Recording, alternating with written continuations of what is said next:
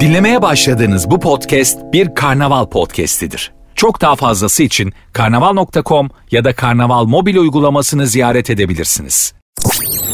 Sertünsüz. Hanımlar beyler herkese merhaba. Sertünsüz başladı. Ben Nuri Özgül. Saat 22'ye kadar beraberiz. Kiminiz kimseniz varsa lütfen söyleyin saat 10'a kadar bana ilişmeyin. Nuri ile takılacağım deyin. Boştan girelim döşten çıkalım. Günün, günlerin ve gündemin bünyenimizde biriktirdiği negatifi alıp yerine bir miktar da olsa pozitif vererek rahatlamaya, mutlu olmaya çalışalım. Dışarıda ay tutuluyor. Bilmiyorum siz ne kadar görebiliyorsunuz. Kanlı ay tutulması deniyor. Bu ay tutulması, ay tutulması işleri eskiden çok evvelden antik çağlarda paranormal hadiseler olarak hani tanrılar bize kızdı falan o Yunanlılar, İonyalılar, Milletliler falan. Bak görüyor musun ay kıpkırmızı oldu, Zeus bize kızdı falan derken bu işin ilk akılcı bilimsel açıklamasını Thales yapmış. Demiş ki yok yavrum kimsenin kızdığı yok. Yani dünya güneşle ayın etrafı arasına giriyor da o yüzden. Yani yoksa başka bir şey yok yani merak etmeyin. Yani dünya ay ile güneşin arasına girdi o yüzden öyle görünüyor falan filan. E bak kıpkırmızı oldu kan şimdi kanlı ay tutulması deniyor ya ay kırmızı oluyor. Ya o da değil yavrum atmosferdeki parçacıklar kırmızı ışığın dalga boyu maviden daha kısa o yüzden falan filan diye. İşte ilk akılcılık akımında başlatan Thales'tir. 2000 sene buradan desek 630 da oradan desek 2630 sene önce falan. Bu işin bilimsel açıklamasını ilk yapan abimiz ünlü filozof Thales. O yani yoksa hani ay şöyle olacak o zamana kadar hep eyvah başımıza şimdi söylendiği gibi büyük felaketler gelecek tanrılar bize kızdı geyikleri. Ya aslında ayın kıpkırmızı olmasının sebebi de atmosferdeki parçacıkların ışığın dalga boyu falan filan. Böyle bir şey. Ama astrologlar diyorlar ki 6 ay sürecek etkisi ve ay tutulması karmayı etkiler, tetikler coşturur. Bu ne demek? Ettiğinizi bulacaksınız. Bu dönemde diyor kendini affeden, başkalarını affeden kazanır. İntikam peşinde ko- koşan da büyük kaybeder deniyor. Şimdi bütün bunlar yok ay tutuldu şöyle olacak. Güneş tutuldu bize her gün ay tutulması ya. bize her gün güneş tutulması. Babacım bak ekmek yedi buçuk lira olacak deniyor. İnternette falan yazıyor işte Ekmekçiler Derneği Başkanı mı ne açıklama yapmış. Bize her gün ay tutuluyor güneş tutuluyor. O senin benim için ay tutuluyor güneş tutuluyor. Zengin için parası cukkası sağlaman için ay tutulması güneş tutulması yok. Abba'nın bir şarkısı vardır hatırlarsınız. Money money money always sunny in the rich man world. Yani ne diyor? Zengin adamın dünyası her zaman güneşli olmalı. Öyledir yani. Güneş tutuluyor, ay tutuluyor, oradan oluyor, burada yecüc çıktı, mecü onlar sana bana.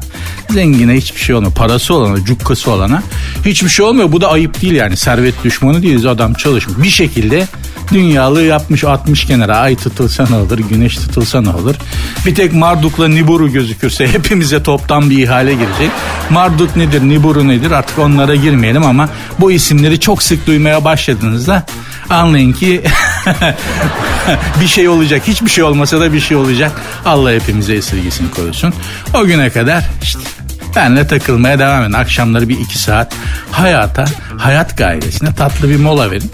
Bakalım ne olacak. Zaten değiştiremeyeceğin şeyler için çaba sarf etmek ve üzülmek ancak mantıksız insanların işidir. Değiştiremeyeceğin şeylerde değiştiremeyeceğin, gidişatını değiştiremeyeceğin, engel olamayacağın şeyler için üzülmek, kederlenmek bunlar boş şeyler yapmayalım. Saat 10'a kadar beraberiz. Lütfen ayrılmayın. Programın Instagram ve Twitter adreslerini verin. Bana oradan ulaşabilirsiniz yazarak. Zaten aynı Instagram ve Twitter adreslerimiz. Sert unsuz yazıp sonuna iki alt tere koyuyorsunuz. Sert unsuz yazıp sonuna iki alt tere koyuyorsunuz. Benim Instagram adresim de var.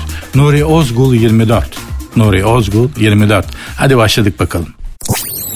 Sertünsüz. Endonezyalı çiftçi 88. kez evlilik hazırlığı yapıyormuş maşallah. Maşallah. Baba ilk evliliğini yapmış 14 yaşındayken yapmış ilk evliliğini Endonezyalı çiftçi abimiz. O günden beri de abiyi tutamıyoruz. Abi evleniyor. Abi elini tuttuğuyla gözünün gördüğüyle evlenmiş. Aa, 88. kez. İlk karımı demiş benim kötü tavrım yüzünden hani karım beni boşadı terk etti. Ben acemiydim 14 yaşındaydım çocuktum zaten bilmiyordum hani bir kadın ruhu nedir kadına nasıl davranılır falan. Bebeğim yani 60'ına gelip bunu hala bilmeyen erkekler de var. Şimdi yani bebeğim dedim gerçi adama özür dilerim. Yani yanlış anlaşılmasın da yani 60'ına 14 yaşında olur. Cahilsin hayat cahilsin. 60 gün görmüş abiler bile kadın ruhunu çözememiş. En azından nasıl davranabileceğini asgari müşterekte buluşamamış çok erkek var yani. O yüzden bunu kafaya takmamak lazım. Ama ondan sonra da bu 87 kez evlenmiş 88.yi de yeni yapmış baba. Diyor ki ne yapayım diyor. Aldatayım mı kadınları diyor yani. İşte öyle olacak. Evleniyorum diyor ya. Ciddi ilişki adamıyım ben diyor. Aile seviyorum diyor. 88.ye doğru koşuyorum diyor. Bu hanımımla diyor daha önce evlenmiştim zaten diyor. Yengeyle bir kere evlenmiş ayrılmışlar. Sonra demişler ki arada abi başka evlilikler yapmış. Yenge de sevmiş belki başkasıyla evlenmemiş ondan sonra. Demiş ki bu hanımla demiş tam demiş şey yapamadım. Altıncı vitese kadar çıkamamıştık. Bir daha deneyelim dedik. Demiş ve Allah mutlu mesut etsin tamamını erdirsin de Endonezya'da bu işler kolay. Sen yiyorsa gel bizde 87 kere evlen de ben göreyim. Bak daha ilkinde ilkinde sen Endonezyalısın senin bünyen de alışık değil. Bizdeki evlilik ritüellerini gerçekleştirerek evlenmeye kalkarsan daha ilk evlilikte nikah masasını göremeden ölürsün sen zaten. Hakkı, hakka teslim edersin doğru. Ben nikah ben, ben bir kere evlendim ayrıldım çok uzun zaman önce. Ben nikah masasını öpüyordum neredeyse. Nihayet görebildim. Nihayet şuna oturabildim diye ya. Korkunç bir prosedür var evlenmeden önce bizde. Hele o halalar, teyzeler, işte akraba kızları. Ya sanki kendileri evleniyorlar. Onlardaki o gayret. Değil mi? Ya sana ne oluyor be kardeşim? Sakin ol. Giy, hazırla abiye elbiseni, düğünde giyeceğin elbiseni. Kuaföre git düğün günü saçını yaptır. Zaten onu da erkek tarafına kilitliyorlar. Değil mi? Kız tarafının saç parasını da erkek ödüyordu. Tamam giy abiye elbiseni buradan böyle etler pörtleye pörtleye koltuk altından. Yaptır saçını o kötü saç şeyini. Git düğünde oyna işte halay mı çekiyorsun? Tam bitti. Sanki kendileri evleniyor. Onlar gelinden daha gayretli canına yandı. Onun. İşte nikah, damat alışveriş şunda. Ya o prosedür var ya çok korkunç. Bu abi, bu Endonezyalı çiftçi abi bizim raconumuzla bir kere bile evlenemez. Bünyesi kaldırmaz. Türkiye'deki bir evlilik Endonezya'daki 25-30 evliliğe denk gelir. Yani bu abi 30. evliliğini yaptığında bizim daha ilk evlilik şeyimizdeki kadar yorulmuştu ancak. Anlatabiliyor muyum? Gittik gördük. Allah nasip etti. Endonezya'yı da gittik gördük. Güzel insanlar, tatlı insanlar, munis insanlar, sevimli insanlar. Bir şeriat ülkesi. Ee, ama rahat bir ülke yani gezip dolaş, dolaşıyorsunuz. İnsanlar da çok sevimli, çok pozitif, çok tatlı insanlar gerçekten. Evlilik de kolay. Kolay yani. İki şahit buldun mu tamam. Hani kimseye haber vermene gerek yok. İki tane şahit buluyorsun. Bu kadar efendinin uzun işi bitiriyorsun. Bu kadar basit. Bizde öyle değil şimdi. Bizde yani prosedür değil mi? Nereye evleniyorsun öyle iki şahitle? Oo da halalar, teyzeler. Damat oğlumuz ne iş yapıyor? Kızıma nerede bakacaksın? Kızımız şöyle mi? Çeyiz böyle mi? Çeyiz görmek diye bir şey var. Bunu başka ülkenin bünyesi, başka milletlerin, insanların bünyesi kaldıramaz. Gerçekten öyle. Abiye, Endonezyalı abiye 87. evliliğinde saadetler ve mutluluklar diliyoruz. Adamın ağzında diş kalmamış yalnız. Burada gülümseyen bir fotoğraf var. O kadar olur. Yani 87 kere evlenmişsin. Sadece dişlerle kurtardığına dua ettin babacığım. Yani 87 bu ya. Ben mesela şeyi çok merak ediyorum. Hani hanımefendiler tarafını merak ediyorum. Adam evlenmiş erkek evlenir yani kadın tarafını ben çok merak ediyorum. Ben mesela bu adamın 76. karısı bir adamın 76. karısı olmak nasıl bir duygu? Çok merak ediyorum ya. Kadın tarafı daha ilginç bu hikayenin. Yani erkek 87 kere evlenmiş. Belli yaşadıkları. Yani farklı insanlarla da evlensen sonuçta yaşadıkların aynı işte evleniyorsun, koca oluyorsun, baba oluyorsun. Bir evin sorumluluğu oluyorsun da şu bu falan bir ama bir adamın 73. karısı olmak nasıl bir şey? Bir de mesela aynı kadınla 73. karısısın ya 73. yengeyle bir daha evleniyormuş 87. oluyorsun bir daha. Asıl kadınla röportaj yapmak lazımdı yani. Sonuçta geldiğimiz noktada Allah herkesin evliliğini daim etsin. Ağız tadı versin, muhabbet versin. Güzel geçim versin. Üzerinize saadet ve para yazsın. Bana bunu söylemekten başka bir şey düşmez. Yoksa ben bekar adamım. Ben başımı nereye koyarsam benim evim orası. Yanımda olan benimdir. Yanımda olmayan benim değildir. Bitti. Bu kadar. Benim ben bir bekar olarak bizim felsefemiz bu. Evlilerin işi daha zor. Allah kolaylık versin. Mutluluk versin. Güzel bir şey. Ama hani gerçekten bu durumun kadın tarafını merak ediyorum. Hanımlar yazarlarsa nasıl bir şey acaba? Bir kadın ne hisseder? Ben de öğrenmek isterim. Programın Instagram ve Twitter adresleri zaten aynı. Sert unsuz yazıp sonuna iki alt tire koyuyorsunuz. Benim Instagram adresim de Nuri Ozgul 24. Nuri Ozgul 24. Sertünsüz. Adana'da berber müşterilerine anne terliği ile masaj yapıyor. Muş. Tekrar söylüyorum Adana'da bir berber müşterilerine anne terliği ile masaj yapıyormuş. Bu şöyle olmuş. Ee, bir müşteri gelmiş e, bir terlikle plastik terlikle berbere demiş ki bununla demiş benim kafama vura vura demiş masaj yapar mısın demiş anne terliği. Biliyorsunuz anne terliği tarihteki ilk konvansiyonel silahtır. Yani e, güdümlü roket. Bu annelerin bu terliği attığı zaman tutturmadaki yeteneği hiçbir konvansiyonel silahta yok. Sıfır şaşma hatası. Benim annem terliğe köşe döndürtebiliyordu. Yani hani bana terliği fırlattığı zaman çok fırlatmıştır. Çok yaramaz afacan bir çocuktu. Dolayısıyla çok anne terliği uzaktan yemişliğim vardı plastik. Ya köşe döndü falso aldırabiliyordu ya terliğe böyle bumerang gibi yani neredeyse terliği atıp terlik ona geri dönecekti. O kadar uzmanlaşmıştı. Ben de o kadar yaramaz bir çocuktum. Baba demek ki buna doyamamış. Biz erkeklerin de anne terliğine bir hasreti vardır ama içten içe hissetmesem bile yani net olarak mücessem olmasa bile mücessem yanlış oldu. Yani bilinç üstüne çıkmasa bile ya annem keşke canım çok çekti annem terlikle beni bir dövse şimdi be demesem bile his olarak bilinç altında bu arzu vardır yani. Anne terliğiyle dayak yemenin de tadı bir başkadır. Abi öyle bir hasret içerisindeymiş. Gurbetçi bir vatandaşımız, vatandaşımızmış. Yurt dışında yaşıyormuş. Gelmiş demiş ki şu terlikle demiş benim kafama vura vura ne olur demiş. İnternette videosu da var. E, lütfen izleyin. Gerçekten bir ibret vesikası. İnsanlık tarihine kalacak bir görüntü. Yani bir gün bundan 3000 sonra 3000 yıl sonra e, insanlar bu videoyu izleyecekler diyecekler ki vay be insanlık bu da böyle bir dönemden geçmiş. Bak bak biz yaşadığımız döneme şükredelim diyecekler. Ber abi de nasıl yapıştırıyor terliği kafaya kafaya. Ama anne terliğinin insanı e, rehabilite eden bir yanı da vardır.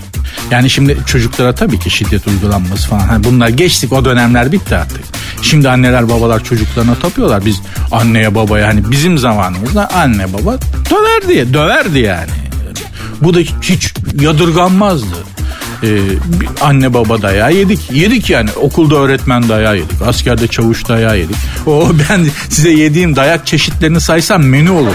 Böyle getirirler. Hangi dayaktan istiyorsun yavrum diye açarsın böyle yukarıdan aşağı. Ee,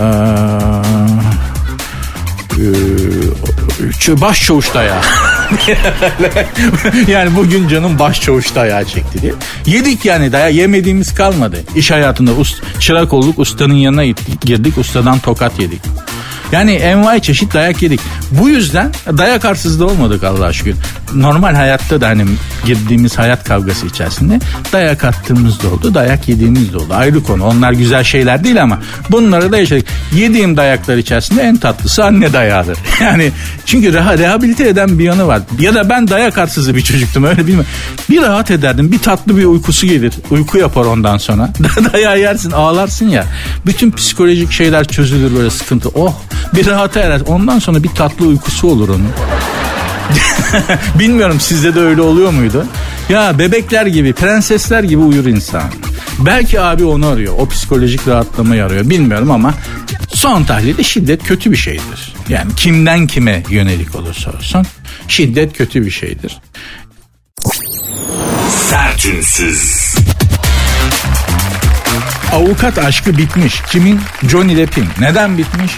Bilmiyoruz ama yakın bir arkadaşına göre Johnny Depp e, zaten ciddi bir ilişki adamı değilmiş. Yani Johnny Depp ya, gezelim tozalım yiyelim içelim eller havaya yapalım adamıymış.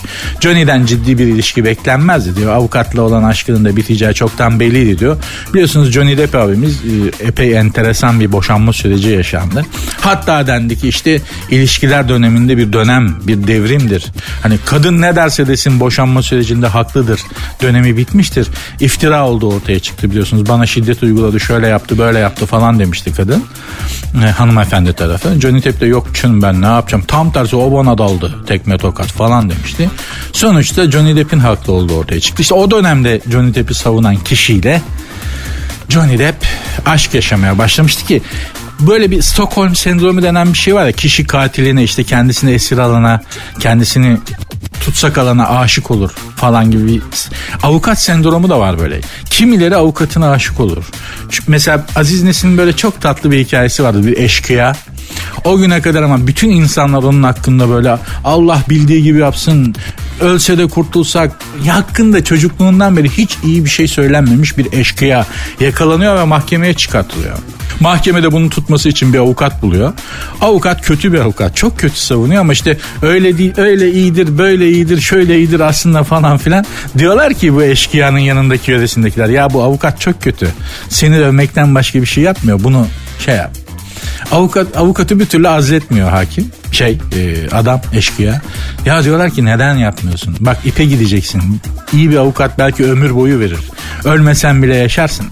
Yok diyor olmaz. Benim hakkımda diyor iyi, iyi bir şeyler söyleyen ilk insan diyor. Sırf diyor mahkemede onun benim için şöyleyidir bak şöyle güzellikleri var dediğini duymak için diyor. Günlerce bekliyorum. Hikaye böyle bir şeydi. Gerçekten de öyledir. Şimdi Johnny Depp'in mevzusuna geçelim. Johnny Depp ciddi ilişki adamı değilmiş. Bana lütfen ciddi ilişki adamı olan bir erkek gösterin. Hiçbirimiz değiliz ki.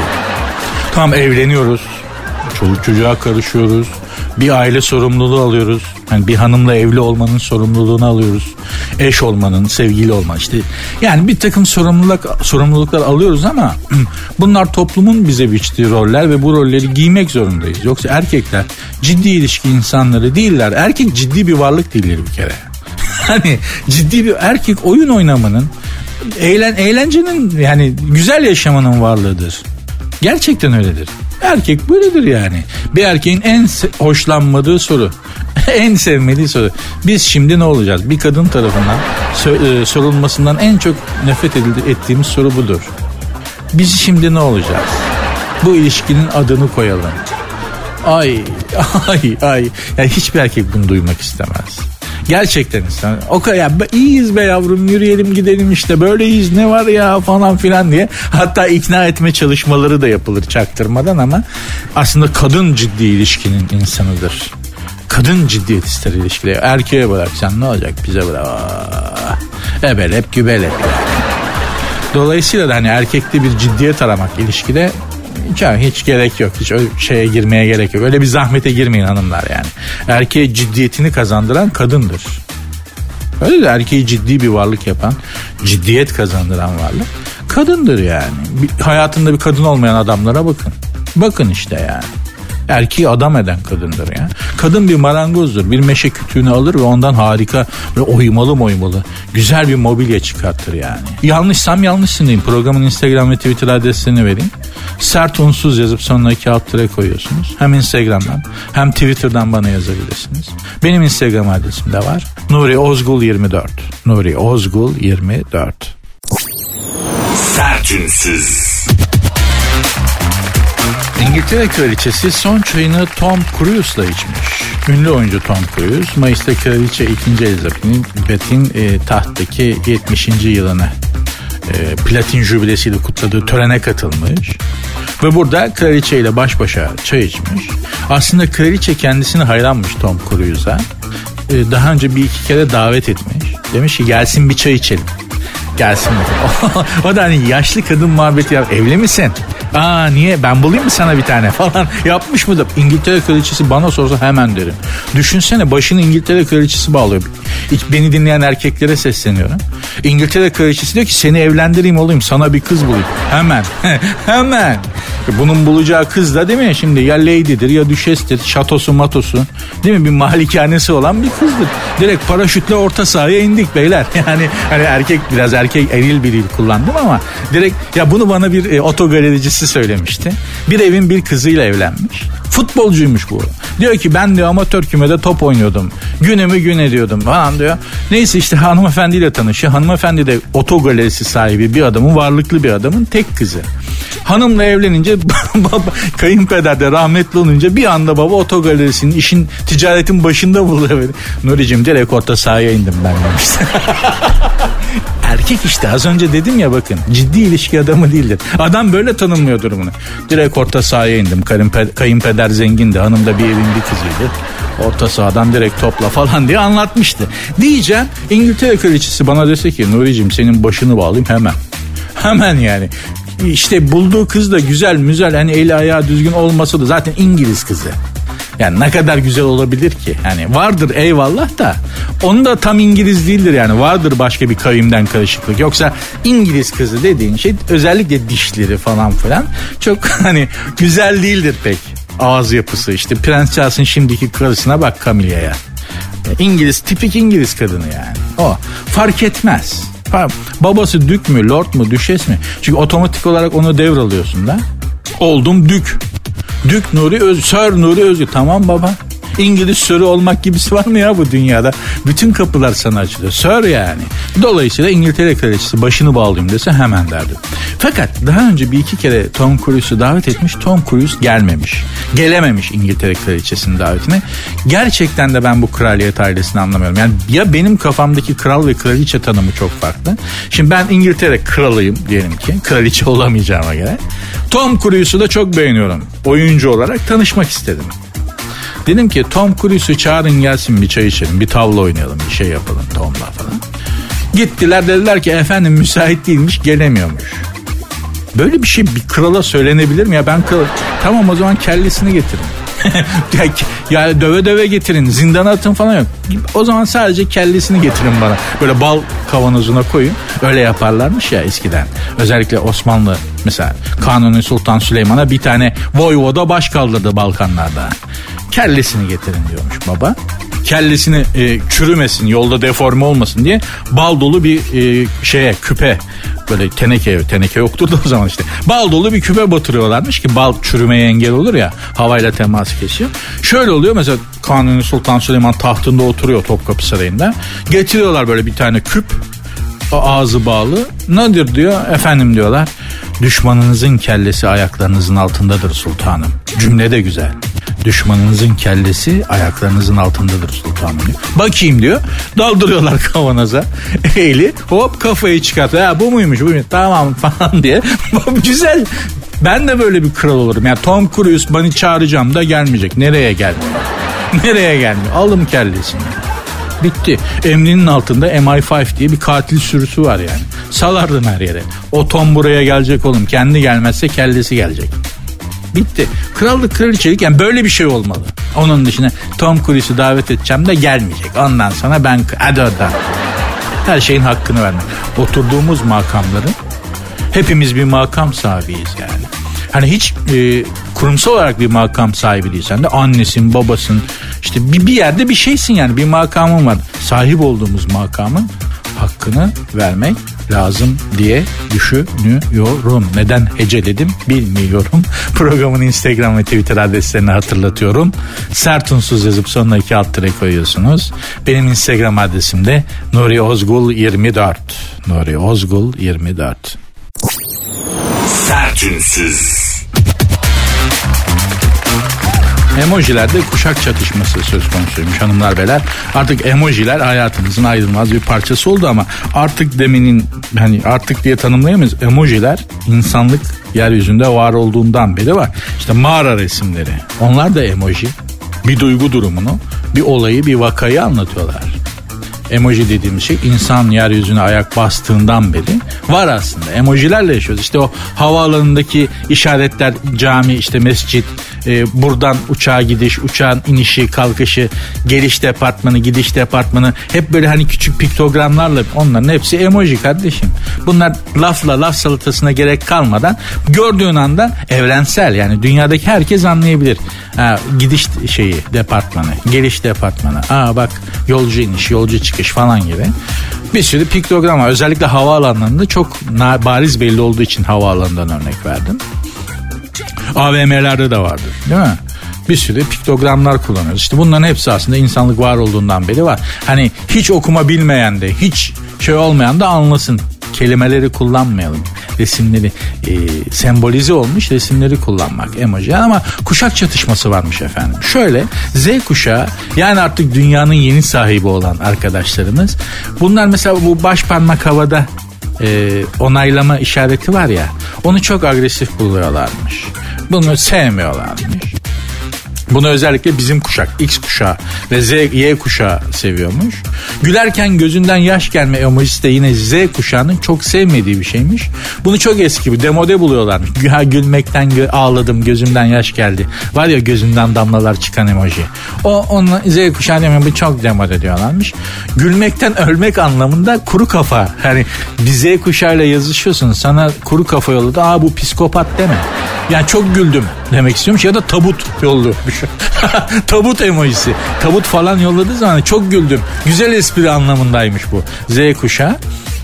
Bu alkış şeyi var yani alkış biz onu takdir etmek bravo güzel söyledin aferin helal olsun falan gibi e, anlamlarda kullanıyoruz X kuşağı olarak Z kuşağı ise sarkastik olarak kullanıyormuş hani saçma sapan bir şey ettin aman ne yaptın falan hani büyük battın abi saçmaladın baba der gibi sarkastik bir anlamda ters anlamda alaycı bir ima için kullanıyorlarmış e, saçmalayan direkt saçmaladın demek için de avokado emojisi kullanıyorlarmış. Yani birinden bir Z kuşağıyla yazışırken avokado yolladı. Lan ne diyor bu velet? Hani ne anlatmaya çalışıyor bana? Saçmaladın abi demek için de direkt olarak avokado yarısı kesik avokado emojisi yolluyormuş Z kuşağı. Buradan da anlıyoruz ki Z kuşağının kullandığı emojilerden bu dünya artık bizim dünyamız değil. yani bambaşka bir dil geliştirmiş keratalar kendi aralarında. Ben emojilere karşı bir insanım yazışırken. Kelimelerden kullanılma, kelimelerin kullanılmasından yanayım. Belki işim hani biraz da yazarlık, metin yazarlığı olduğu için, kelimeleri sevdiğim için, hani okumayı, yazmayı sevdiğimiz için, ayrı bir düşkünlüğümüz olduğumuz, olduğu için belki insan yazışarak kelimelerle anlaşılır diye düşünüyordum ama emojiye de gitgide yumuşayan bir tavrım olduğunu söylemek isterim. Yani artık hani çok laf da yormaya başladı ya. Gerçekten emoji hani Aman abi ya bin tane bir şey yazacaksın işte yazıyorsun koyuyorsun bir emoji yolluyorsun gidiyor o da karşı taraf anlıyor ne güzel. Valla keşke hayatta da bunu yapsak ya. Yani hani konuşurken de emoji kullanabilsek ne kadar güzel olur. Gerçi kimi insan emojili konuşur zaten. Hani yüz şekli anlattığı duygu durumuna girer. Hani kötü bir şey anlatırken böyle yüzü şey olur falan. Gülerken kimisinin gözünden yaş gelir. Kimisi takdir ederken alkışlar falan. Hani emojisini de yapıyor kimisi ama hani gerçekten belli bir yaş belki yaşla da alakalı bir şey. Laf anlatmaya çalışmaya çok yoruluyorum ben artık ya. Bir şeyleri izah etmeye çalışmak o kadar yoruyor ki beni. Eskiden tam tersinden doğru anlaşılayım. Kaçta benim lafımı doğru anlasın. Yanlış anlaşılmayayım diye uzun uzun anlatırdım böyle. Hiçbir gri alan, e, karanlık bölge bırakmazdım iletişimde. Şimdi ama ne diyor sana ha ha doğru onu mu anladın tamam doğru anladım falan filan. Tek emojiye karşıyım arkadaşlar öpücük şeklinde ağızdan kalp çıkan emoji var ya onu icat edeni bana bir verin. yani onun mucidi ayrıysa onunla bir 10 dakika verin bana sadece. Baş başa. Onu, ya nefret ediyorum o emojiden. öpücük şeklinde ağızdan kalp çıkıyor ya. Gıcık oluyorum ona ya. Nefret ediyorum ondan. Bilmiyorum yani biliyorum aslında da burada izah etmek istemiyorum şimdi sebebini. Gerek yok. Gıcık oluyorum o emojiye ya. Onun dışında emojiler özellikle aslında hani ben yaşlarda 50'li yaşlardaki insanlar için büyük hayat kurtarıyor. Çünkü artık konuşmak, laf anlatmak yoruyor ya. Gerçekten öyle. Emojiye karşı çok sert bir tutumum vardı. Artık heh, öyle değil. Yaşasın emoji abi. Ağızdan öpücük şeklindeki ağızdan çıkan kalp emojisi hariç. Ona gıcığım hala. Sertünsüz. Çocuğun ısırdığı kobra ölmüş. Dünyanın en ölümcül yılanları arasında %85 oranında öldürüyormuş. Kral kobra aslında en öldürücüsü biliyorsunuz şeydir karamamba Afrika'da ağzının içi siyahtır karamambanın. Ee, ve çok enteresan bir yılandır. Her yerden saldırabilir. Yani ağaca çıkar ağacın en üst dallarından aşağıya doğru. Yani görmeye görmezsiniz yani. Afrika'da hatta şey derler. Sana bir kobra saldırırsa belki ölürsün. Ama bir karamamba saldırırsa mutlaka ölürsün diye. Ölümün rengi siyahtır diye. Afrika'da raf vardır karamambadan dolayı. Hiç şansın yok. Hani ay hastaneye gideyim. Ha, gerek yok. Kelime-i şehadet bildiğin dualar Rabbine sığınmak tövbe istiğfar. Hani seni bir karamamba soktu. Hani kurtarırım belki yok abi. Kobra mobra sokarsa koş hastaneye. Yetişmeye çalış da karamamba sokarsa abi direkt kelime-i şehadet Rabbine sığınmak tövbe istiğfar. Sana geliyorum Allah'ım günahlarımla geliyorum ya Rabbim. Affet Allah'ım falan. Hani bunlara gir. Yani çünkü kurtarır tek kurtarır o bu karamamba gerçekten çok tehlikeli. Nitekim görüyorsunuz şimdi e, bir kral kobrayı çocuk kobrayı ısırmış. Ya ölünün arkasında kobra da ölmüş. Çocuk, çocuk ısırmış kobrayı. Kobra ölmüş. Ya ölünün arkasından da konuşulmaz ama kobra da kalıbının kobrası değilmiş yani. Değilmiş. Ne yapıyorsun be? Sen kobrasın. Az önce söyledim. Bulunduğumuz makamların iştigal ettiğimiz makamların hakkını vermemiz lazım. Sen şimdi kral kobrasın. Bütün insanlığın ürktüğü bir canlısın. Hakkını versen oğlum kobralığı. Değil mi ya çocuk ısırdı da öldüm. Sen nasıl kobrasın ya? Ya solucan yapmaz bunu ya. Yani şimdi dediğim gibi ölünün arkasından da konuşmak istemiyorum ama yani ne, durum bu. Yani kobraysan kobralığını yapacaksın abicim. Senin şeyin bu, yaratılışın bu. Yani kobrasın sen. Ah, Çocuk Türk mü acaba ben onu merak ettim. Çünkü hayvanları madar eden yani korkut ürkünç hayvanları, korkunç hayvanları madar edenler genelde biz Türkler oluyoruz. Yani bu coğrafyada yaşayan insanların hepsi buna benzer bir haber hatırladım. Şimdi dünyada zevk için öldüren yani yaşamak amacıyla, yemek yemek, beslenmek amacıyla ya da çok büyük bir tehlikeyi bertaraf etmek amacı dışında zevk için durup dururken öldüren iki canlı var. Biri insan, öbürü de beyaz kutup ayısı. Kutup ayısı hiç gereği yokken insan bir canlıyı öldürebiliyormuş. Köpek balıkları bile biliyorsunuz toksa bir canlıya saldırmıyor, yemiyor. Çok vahşi olmasına rağmen. Ya açlık tokluk durumuyla ilgili hayvanlarda öldürme durumu ya da bir tehlike hissetmekle ilgili.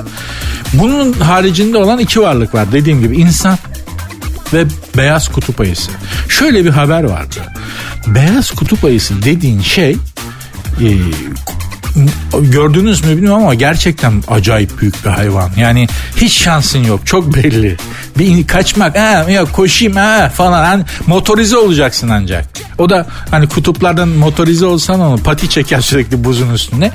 Kutup ayısını tarihte kaçıran tek bir insan var o da Türk. Nasıl kaçırdığını biliyor musun? Kafasına bidonla vurmuş. Su bidonu var ya böyle beyaz. Kafaya donk diye geçirince kutup ayısı bir Türk bu internette arayın Google'da göreceksiniz. Şimdi kutup ayısının da durumu belli. Yani kutup ayısına da hak veriyorum. Şimdi kutup ayısısın, beyaz kutup ayısı. O güne kadar karşılaştığın her varlık senden korkmuş ve ele geçirip öldürmüşsün. Bütün varlıkları. İnsan da var şeyde menüde yani insan da kovalamışsın, yakalamışsın, öldürmüşsün falan.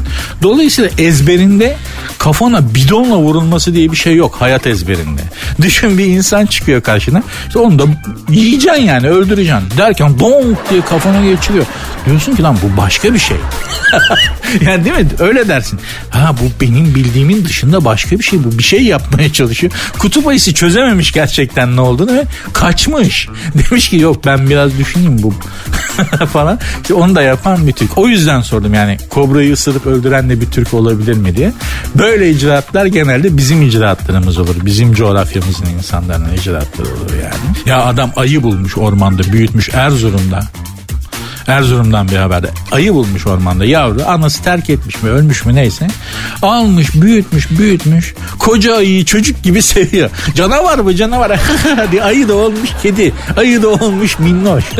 Yavrum benim ya. Diyeceğim bu icraatlar bizden çıkar genelde o yüzden merak ettim. Kobrayı da ısırıp öldüren bir Türk mü diye. Şaşırmam yani. Onu söylemeye çalıştım. Programın Instagram ve Twitter adresini tekrar hatırlatıyorum. Sık sık hatırlat abi dediler. Sert unsuz yazıp sonuna alt tere koyuyorsunuz. Benim Instagram adresim de var. Nuri Ozgul 24. Nuri Ozgul 24. Sertünsüz. Aha. Biraz magazine girelim. Akünün suyunu boşaltalım hanımlar beyler. Boş haberler, boş insanların boş haberleri. Magazin dediğim bu. İşte ne olacak yani öyle yaptı böyle yaptı falan filan. Ee, Tuğba Ekinci eski sevgilisi İbrahim Çelikkol'la ilgili asosyaldir. Onunla gidip bir balık yiyemezsin. Balık yemek için sosyal olmaya gerek yok ki ben de asosyalim her gün balık yiyorum hemen hemen her gün balık tükettiğim bir şey. Asosyal bir insanım ben. Yani balık olmak için çok böyle toplum içerisinde bir insan olmaya gerek yok ki. Değil mi? Hatta balık yani yalnız insanın yiyeceğidir. Robinson Crusoe değil mi? Hani edebiyatta da hep yalnız insanlar, yalnız kahramanlar balık yer. Edebiyat tarihine bakınız. Şu tespiti de başka programda duyamazsın. Da söyleyeyim ben ne işe yarar bilmiyorum ama doğrudur edebiyat tarihinde bak hep balık yendiği zaman hep adam yalnızdır. İşte Robinson Crusoe'dur falan filan. Neyse İbrahim diyor asosyaldir diyor. Onunla gidip diyor bir balık yiyemezsin diyor. En fazla seni alıp dağ başına çıkarır ateş yakar öyle de krodur demiş. Çok özür dilerim bu ifade için. İfade benim değil hanımefendinin. Şimdi ama bu tarif ettiğin İbrahim değil ki bu tarif ettiğin Tuğba Hanım benim. benim bu yani. Beni tarif etmiş ama e, İbrahim Bey'i anlatmış. Şimdi hangimiz bir kadını alıp dağ başına çıkartıp bir ateş yakıp ateşin başında hanımefendiyle baş başa kalmayı istemeyiz ki beyler. Değil mi? Yani yani erkeklere sesim. Bize bıraksan hala mağaradaydı. Teorimi tekrar bu teorimi tekrar arz etmek isterim. Medeniyeti geliştiren kadındır. Biz erkeklere kalsaydı hala mağaranın başında siz bekliyordunuz. Biz dışarıdan av avlayıp belimizde pösteki getiriyorduk size. Kadın medeniyeti ilan etmiştir. Biz hep bu mağarada mı kalacağız? Bu soğuk nemli yerde mi? Bak çocuklar hasta olacak. Pislik içerisindeyiz. Ay bizi burada köpekler yiyecek. Ya daha düzgün bir yere çıksak aman daha temiz bir yere çıksak. Ben burayı süpüremiyorum temizlemiyorum. Öyle, öyle yapa yapa kadın erkeği mağaradan dışarı çıkarttık. Taş üstüne taş koydurtmuş. Ev yaptırmış. İşte toplum aile oluşmuş. Şu olmuş bu olmuş. Ne bu bütün herifler etrafında ben bir tane adam istiyorum bu nedir falan filan diye. Aile maile bunlar kadın sayesinde olmuş şeyler. Biz erkeklere bıraksanız tekrar söylüyorum hala mağaradaydık. Dolayısıyla da hani şaşırmamak lazım diyor ya. E, krodur lafını kabul etmiyorum yani. O çirkin bir laf. Kim için ve ne sebeple söylenirse söylensin. Çirkin bir laftır. Hakaretin ötesinde bir şeydir yani. Kabul etmiyorum hiçbir zaman. Hiç kimse için. E, ama erkek budur. Yani bana bıraksan seni boğazda balık yemeye götürmem ki ben. Değil mi? Gider uygun bir dağ başında böyle sota bir yerde ateşimi yakarım güzel. Otururuz baş başa çubuklara takarız artık et met bulduysam yediririm bakarım olayıma bakarım yani. Yani erkek dediğin böyledir. Asgari düzeyde götürmeye çalışır her şeyi. Değil mi? Şimdi boğaza gidip bir balık yesem falan nereden baksan adam gibi bir yerde düzgün bir yerde hani e, 4 bin 5 bin lira iki kişi boğazda boğazı da göreyim hakkını vereyim diyorsan 4000 lira. E yani şimdi değil mi Tuğba Hanımcığım? Dağ başı, ateş bak bunlar sıfır maliyet. En fazla arabayla yaktığın benzin bu. Bu kadar. Dolayısıyla da erkeğin bir erkeği değerlendirirken böyle değerlendirmemek lazım aslında hanımlar. Bence bu değerlendirme, bu kriter, bu kıstas şey silsilesi yanlış. Hani beni bir yere götürüyor mu, bir şey yapıyor mu? Hani he, bir erkeği değerlendirmenin yolu tek şey şu. Ben bunu yontabilir miyim? Yani bir kadın bir adama baktığı zaman ona hayatını alacaksa böyle bakman lazım. Ya yani bir marangozun e, böyle daha budanmamış ağaca baktığı gibi. Yani marangoz ben marangozda da çalıştığım için bilirim. Emin abi vardı ustamız. Emin usta önce ağaca şöyle bir bakardı. Ben bundan ne yapabilirim? Yani sandalyemi çıkarayım, masamı çıkartayım, ne yapayım diye böyle bir ağacı Önce ağacı bir tanıyalım derdi bak. Emin abi. Durun oğlum acele etmeyin. Ya. Önce ağacı bir tanıyalım. Bu dağ neresinde? İşte orasında çırığı var mı? Burasında çürüğü var mı? Bir bakalım önce ağacı bir tanıyalım derdi. Hanımlar da bir marangoz gibidir. Tekrar söyleyeyim. Tek değerlendirebileceğiniz şey budur erkekte. Ben bunu yontabilir miyim? Bundan ne çıkartırım ben? Bu. Gözün kesiyorsa yürü git. Yok asosyalmiş. İşte balık yedirmezmiş. Aa, parası varmış yokmuş. Aa, geç onları. Aa. Ondan sen ne çıkartabiliyorsun ona bakacaksın. Güzel bir şey çıkartabiliyorsan buna eminsen de yürüyeceksiniz gideceksiniz hanımlar beyler. Yeminle büyük hizmet. Yani şu söylediklerimi. Evli çoluğu çocuğu kız çocuğu olanlar kızlarına dinlesinler ya. O kadar söylüyorum. Şunu başka radyo programında bulamazsın. Ben de böyle bir tahta kaledeki tezgahtar ağzıyla malımı övdüm ama ürünümü övdüm ama yapacak bir şey yok. Var mı başka anlatan böyle? Yok. FM bantında varsa söyleyin ben de dinleyeyim. Sertünsüz. Van Gogh'a bu kez patates püresi. Biliyorsunuz yeni bir protesto şekli çıktı. Ünlü sanat eserlerine işte salça atıyorlar, ketçap atıyorlar. Renoir'a falan yaptılar biliyorsunuz. Şimdi de Van Gogh'a patates püresi, Van Gogh tablosuna patates püresi atmışlar ama hani tablonun önünde cam varmış. Öyle bir tedbir alındı biliyorsunuz. Büyük sanat eserlerine, resimlere önüne artık şey koyuyorlar, cam koyuyorlar. Koruyucu bir şey. Ee, ulaşamıyorsun. Yani camın arkasından görüyorsun. Sağ olsunlar protestocu arkadaşlar. Eskiden hiç olmazsa aramızda bir, bir metre iki metre mesafe oluyordu. Ama en azından tabloyu görebiliyorduk yani. Şimdi araya bir de cam koydurttular. Hadi ötekiler neyse ama Van Gogh'a yapmayın ya. Ya bak bu adam sağlığında çok çekti. Protestocu arkadaşlara sesleniyorum. İçimizde varsa beni dinleyen. Bu Van Gogh e, tablolarına yapmayın bunu. Bu adam çok ezildi. Çok sağlığında çok çekti. Çok acılar, çok büyük sıkıntılar çekti. Mesela 800 küsür tane tablosu var. Bir tane satabilmiş hayatı boyunca sadece. Çok büyük acılar, çok büyük açlıklar. Zaten kendini öldürdü, intihar etti falan, kulağını kesti falan. Hikayesini bilirsiniz ama adam ciddi sıkıntılar çekmiş. Ya bunun adamın ruhunu hiç olmazsa ruhu azap çekmesin ya. Programı bağlar başı yapıyorum arkadaşlar. İnşallah keyifli bir iki saat olmuştur dediğim gibi. Eğer öyle olduysa ben de yevmiyemi hak ettim demektir. Bunun mutluluğu da bana yeter. Yazın beğendiniz mi beğenmediniz mi ne düşünüyorsunuz ne hissediyorsunuz yazın. Ne yazdığınızın da çok önemi yok yani. Kızdıysanız da yazın, küstüyseniz de yazın. Başkasına kızdıysan hırsını alamamışsındır. Bana yaz, benden çıkar olur. Bende o kadar krediniz var. Programın Instagram ve Twitter adresleri zaten aynı. Sert unsuz yazıp sonuna iki alt tire koyuyoruz. Sert unsuz yazıp sonuna iki alt tire koyuyorsunuz. Benim Instagram adresim de Nuri Ozgul 24. Nuri Ozgul 24. Görüşmek üzere. Dinlemiş olduğunuz bu podcast bir karnaval podcastidir. Çok daha fazlası için karnaval.com ya da karnaval mobil uygulamasını ziyaret edebilirsiniz.